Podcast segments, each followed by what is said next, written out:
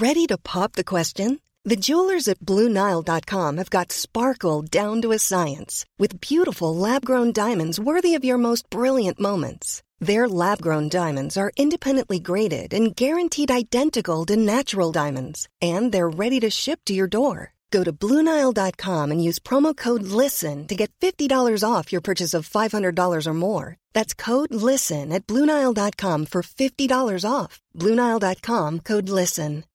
Botox Cosmetic, out of botulinum toxin A, FDA approved for over 20 years. So, talk to your specialist to see if Botox Cosmetic is right for you. For full prescribing information, including boxed warning, visit BotoxCosmetic.com or call 877-351-0300. Remember to ask for Botox Cosmetic by name. To see for yourself and learn more, visit BotoxCosmetic.com. That's BotoxCosmetic.com.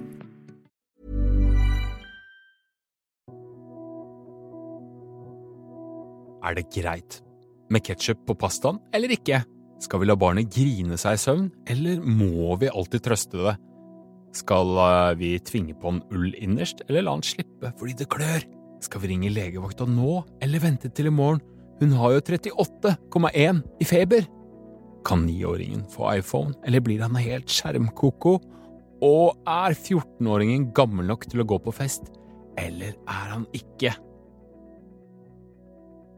Hei, hei, og velkommen til en ny episode av Foreldrekoden. Det er vel nesten ikke grenser for hva foreldre kan være uenige om. Hedvig Montgomery som sitter her, hallo. Hei. Hei. Foran hver sesong så spør vi lyttere om hvilke temaer de ønsker at vi skal ta opp, og hva som liksom brenner litt der ute, da. Og det kommer inn veldig mange gode forslag, men en av gjengangerne skal vi snakke om i dag. For mange ønsker da i ulike varianter å ta opp dette her med når mor og far havner litt i sånn skyttergraver om barneoppdragelsen. Og det, men det er jo virkelig ikke rart. Altså, barn er så inne i privatsfæren. Det er meg på mitt mest nakne. Og det er ingen jeg vil så godt som barna mine. Så selv om jeg elsker mannen min, som jeg virkelig gjør, Ja. så vil jeg allikevel si at jeg tror han vet dette selv, så jeg tror ikke jeg avslører noen stor hemmelighet når jeg sier han kommer allikevel på plassen etter disse barna. Ja, det. Så det, så det ene er at barn er så viktig for oss, altså den kjærligheten vi føler er så stor. Men det andre er at vi kommer jo fra hver våre steder, og vi har våre vaner som vi ikke engang legger merke til selv. Om eh, vi, eh, hvordan vi vasker hendene, hvordan vi eh, smører på brødskiva, hvor mye smør. Det er så mange sånne ting som plutselig blir synlige når vi gjør det for barnet, og ikke bare for oss selv. Og dermed så blir det noe som kan diskuteres. Hva? Så mye smør på brødskiva? Ja. Det er jo ikke sunt. Altså, små ting kan plutselig plukkes på på en måte som ikke bare blir å plukke på smør på brødskiva, men det blir jo også å plukke på meg.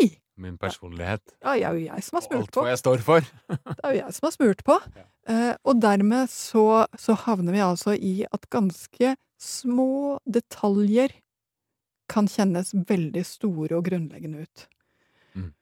Og så legger vi til at noen ganger så er det også store og helt grunnleggende ting Mm. som diskuteres. Hvor mye følelser kan jeg vise inn i familien? Finnes det ikke noe fasitsvar, og vi kommer fra hvert vårt sted. Det er ikke noe rart dette blir personlig.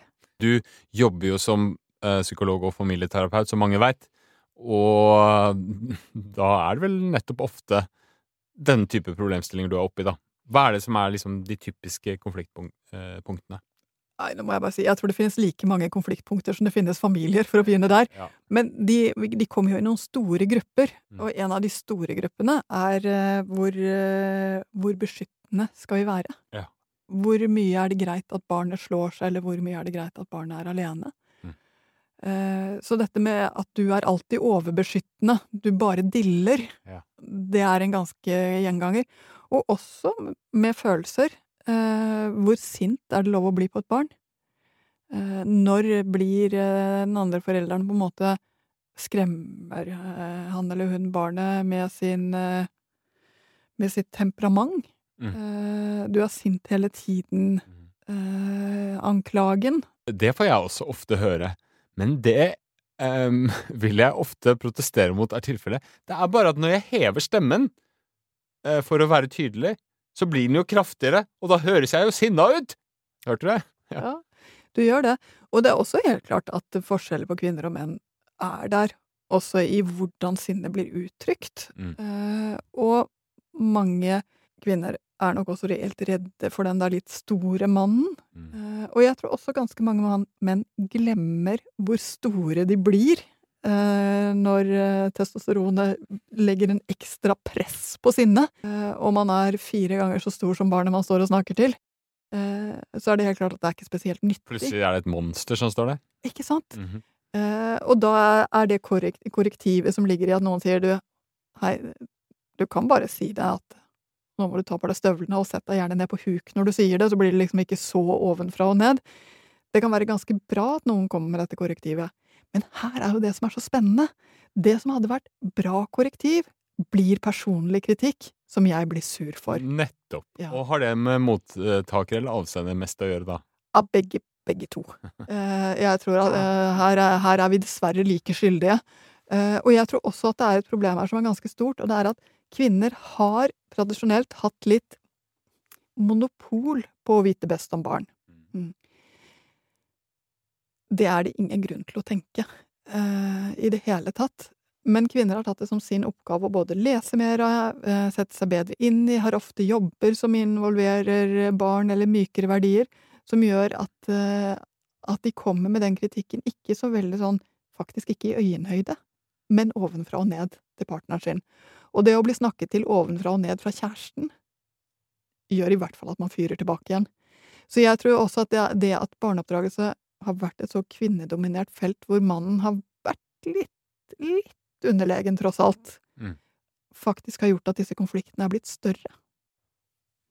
Ja. Og vi har fått inn et eksempel fra en eh, pappa som, som sier at mm, han og kona har vært veldig uenige om hvordan de skal takle gråt eh, hos barnet, hvor, hvor moren, slik jeg forstår det, veldig raskt setter seg ned, trøster, holder de tinga der for hver gang barnet gråter, mens han er mer sånn ja, må tåle, må tåle det litt. grann. Eh, må utforske sjøl hvordan det er å håndtere sine egne frustrasjoner og følelser uten at vi skal dille og dulle altfor mye. Fra når kan vi si at det er greit at eh, barna kan utforske litt selv? De trenger ikke dulle og dille hele tiden. Og det er et kjempegodt spørsmål som er helt feil stilt. Nettopp. Nettopp.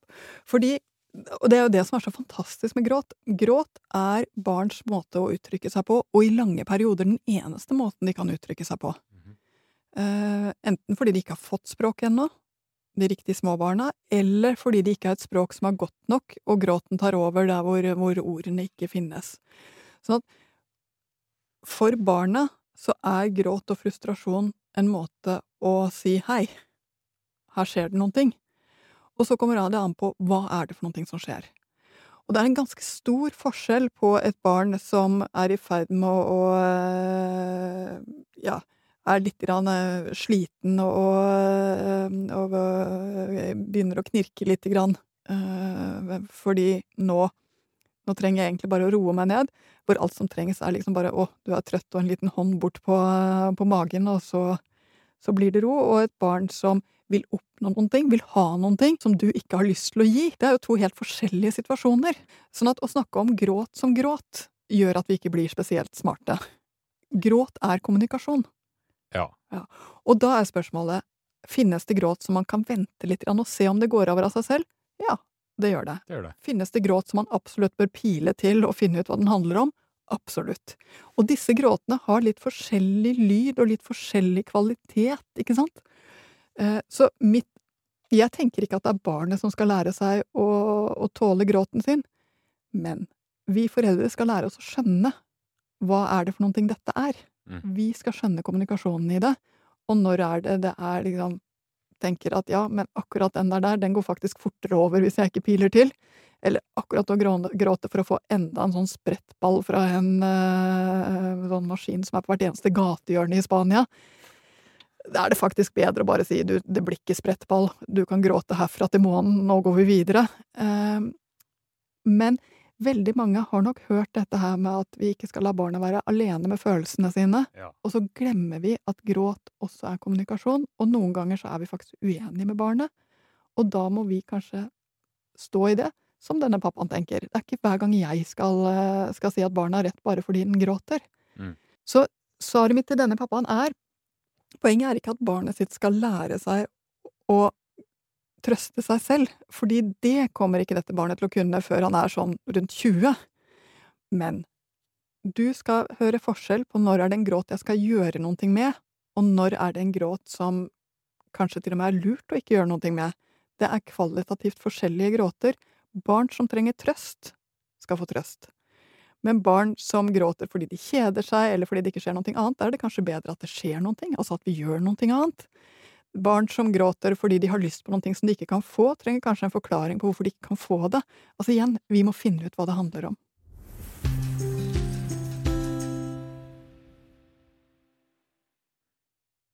En annen eh, forelder som har skrevet inn, inn til oss, er inne på noe av det du sa her i stad. Eh, Altså at disse to kommer fra to ulike oppdragelsesfilosofier. Altså at de kommer fra, måte, fra to forskjellige steder, og så skal forenes i ett. Og én er vant til fri oppdragelse da hun selv var barn, og én kommer fra litt mer sånn strikt og strammere rammer, da. Men så sliter de med å frigjøre seg fra fortida si og finne en litt sånn gyllen middelvei, da. Og et av konfliktpunktene er eh, mat, eh, hvor den ene syns det er helt greit at det søles og smekkes og holder på, mens den andre får helt hetta og vil tørke opp med en gang. Sånn er ikke lov! Det må ikke gjøre. Og de er inne i liksom fastlåst mønster, disse her. Og hun spør egentlig da hvordan skal vi egentlig gå fram for å bli enige? Må vi gjøre alt likt? For å ta det siste først nei. Nei. Man trenger ikke å gjøre allting likt. Men man trenger å respektere hverandre og synes at det den andre driver med, er sånn noenlunde ok at han eller hun gjør. Det er, så, rart. Jeg tenker av og til at uansett hvor mange år man har vært sammen før man får barn, så blir man ikke kjent på ekte før det barnet kommer. Mhm. For når barnet er der, så ser man helt nye sider ved kjæresten sin. Din måte å, ja, tenke rundt gris rundt bordet. Jeg hadde ingen idé om hva du mente om det før vi fikk barn sammen, ikke sant? Det sier seg litt selv, for du har ikke vært i den situasjonen, så vi kommer veldig, veldig nær hverandre. Eh, Du har kanskje tenkt at uh, svigermor var litt mye, men du har ikke skjønt at det mye er noen ting som ligger nå hos kjæresten min. Nå er det han eller hun som blir litt mye. Mm. Så blir man kjent på denne måten, ja, dette fører jo til at man blir kjent på ekte. Dette fører til at man blir kjent på ekte. Og jeg tror for det første så må man nok innse at i det øyeblikk man får et barn sammen, så er det mitt folk og ditt folk skal forenes. Våre forskjellige måter å gjøre ting på skal vi både respektere og forene på et eller annet mystisk vis, og vi har heldigvis god tid på oss. Og når du tåler gris så dårlig, så skal jeg i hvert fall skjønne én ting, det er skikkelig, skikkelig, skikkelig vanskelig for deg. Og så vet jeg at for barn så er det helt nødvendig å grise en del. Og de kommer til å gjøre det, det hjelper ikke at du får helt hette av det. Men det kan vi snakke om. Hva kan vi gjøre sånn at det ikke blir så slitsomt for deg? Og hvordan kan du tenke rundt dette her som gjør at du ikke ser på det som verdens undergang, at det kommer grøt utover eh, bordplaten? Mm. Fordi selv om du er oppdratt med at det er det verste som kan skje, er det det virkelig? Det kan vi snakke om. Så det å ta det ned til steder hvor vi kan snakke om det, og kanskje til og med le litt grann av det, ganske mye humor som trengs. Og det er også viktig å være klar over at dette her, det sitter så sterkt i oss. Altså, bare en så absurd ting som at jeg fortsatt, etter over 20 år sammen, mener at mannen i mitt liv bretter putetrekkene feil. Og da kan du spørre meg hæ, jeg visste ikke at det fantes en riktig måte å, brette putetrekk på, og jeg er helt enig Mm. i teorien, men det stikker fortsatt i meg at han bare bretter dem, liksom. Ja. Ikke bretter dem i tre pluss to. Åh, Skjønner du? Ja. Eh, Nei. men ja. eh, du skjønner ham bedre, tror jeg. Eh, men det, det stikker så dypt i oss, og det finnes flere måter å gjøre det på. Og denne stabelen av putetrekk ser ikke like fin ut når hans måte å brette på legger seg oppå min måte å brette på, og så kommer min måte og hans måte igjen. Det ser jo pussig ut. Og nå, etter noen og tjue år, så kan jeg se inn i skapet og tenke at det er faktisk et fint symbol på ja, den, det, det samlivet vi har fått. Vi klarer å være fornøyde med denne her. Men det har jo kosta. Og det tror jeg er noe av det som er så vanskelig med kjærlighet. Kjærlighet kommer først når aksepten er der, og det tar ganske lang tid. Men det krever jo ganske mye, da. Man må jo anstrenge seg mye. Altså, man må jo gå på akkord med hvordan man vil ha det, og er komfortabel med ting. Og det tror jeg faktisk at mye samliv er, i større grad enn det vi Altså, i forelskelsesfasen så er man jo veldig sånn du og jeg er helt like. Vi liker de samme tingene, og så viser det seg etter noen måneder at det er ganske mye større forskjeller enn det vi trodde. Det viser seg ganske sånn etter hvert. Og kjærligheten kommer jo virkelig for fullt når du kan nikke til det og tenke ja, sånn er han. Mm. Når det gjelder barneoppdragelse, som ikke bare handler om deg og meg, men som også handler om dette nydelige barnet som vi har fått, så får vi en helt ny intensitet på det. Og den nye intensiteten er er dette egentlig bra for barnet? Og jeg tror at skal man holde ut som foreldre, så er det å kunne snakke om det er en veldig, veldig stor hjelp.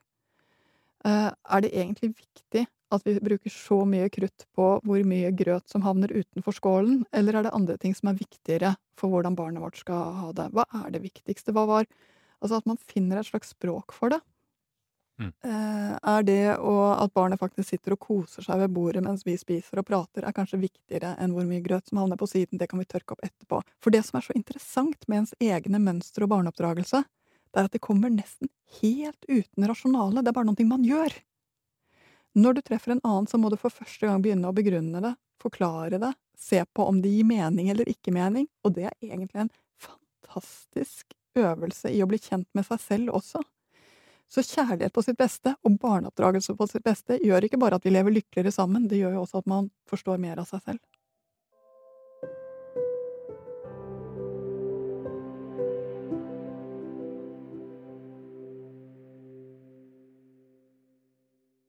Du var inne på i stad at kvinnen nesten sånn eh, Altså biologisk, eller, eller føler et sånt ansvar da, uh, for å ta tak, lese seg opp, sørge for at oppdragelsen er i tråd med gjeldende filosofi og hva som er barnets beste. Jeg føler at den er det så nøye-tankegangen ofte kommer fra pappahold.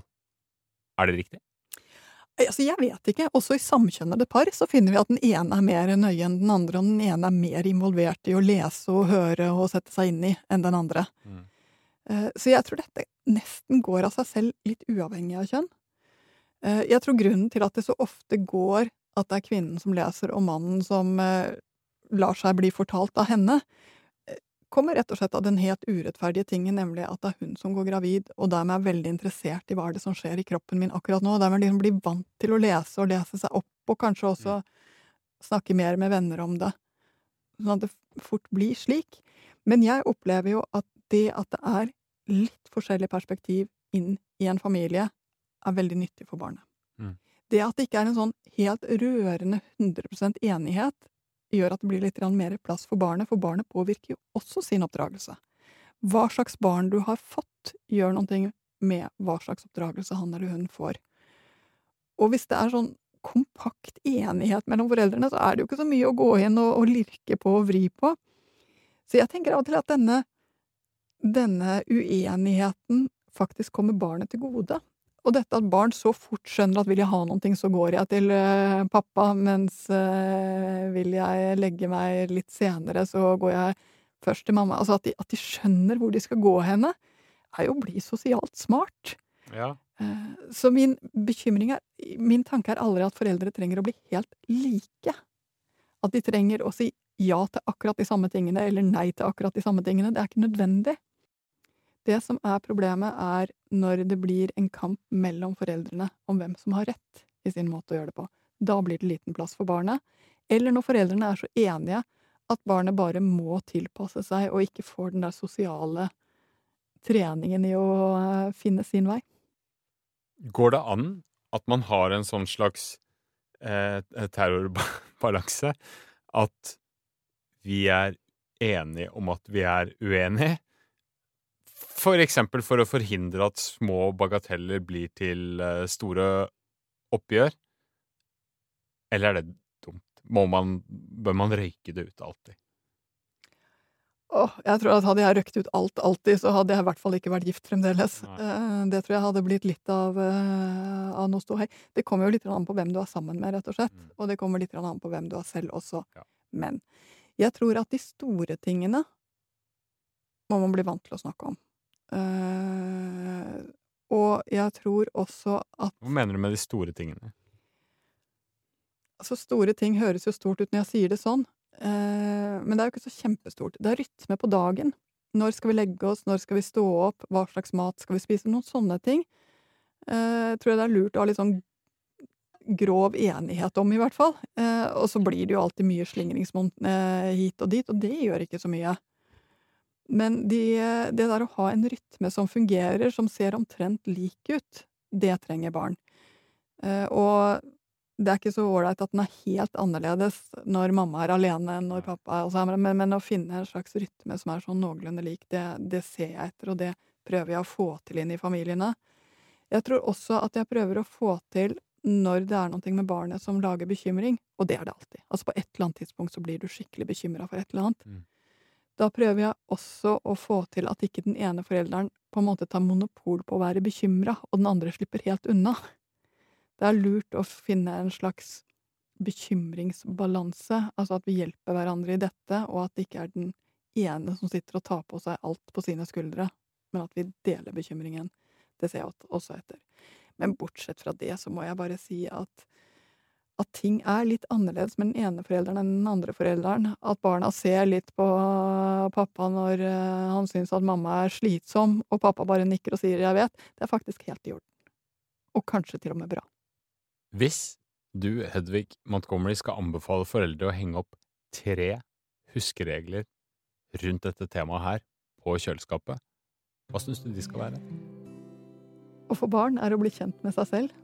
Vær glad for muligheten. Husk at barna finner sin vei, helt uavhengig av hvordan dere gjør det, så ikke vær så opptatt av at det bare finnes én vei. Det finnes flere.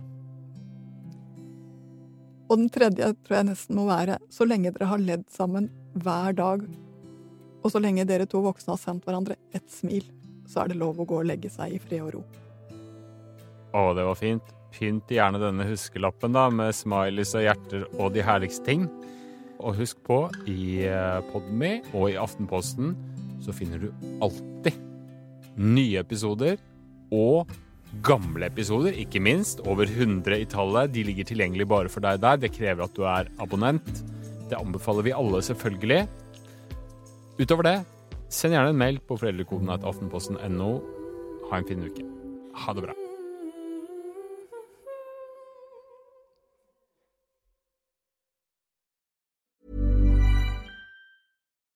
Botox Cosmetic, out of botulinum toxin A, FDA approved for over 20 years. So, talk to your specialist to see if Botox Cosmetic is right for you. For full prescribing information, including boxed warning, visit BotoxCosmetic.com or call 877-351-0300. Remember to ask for Botox Cosmetic by name. To see for yourself and learn more, visit BotoxCosmetic.com. That's BotoxCosmetic.com.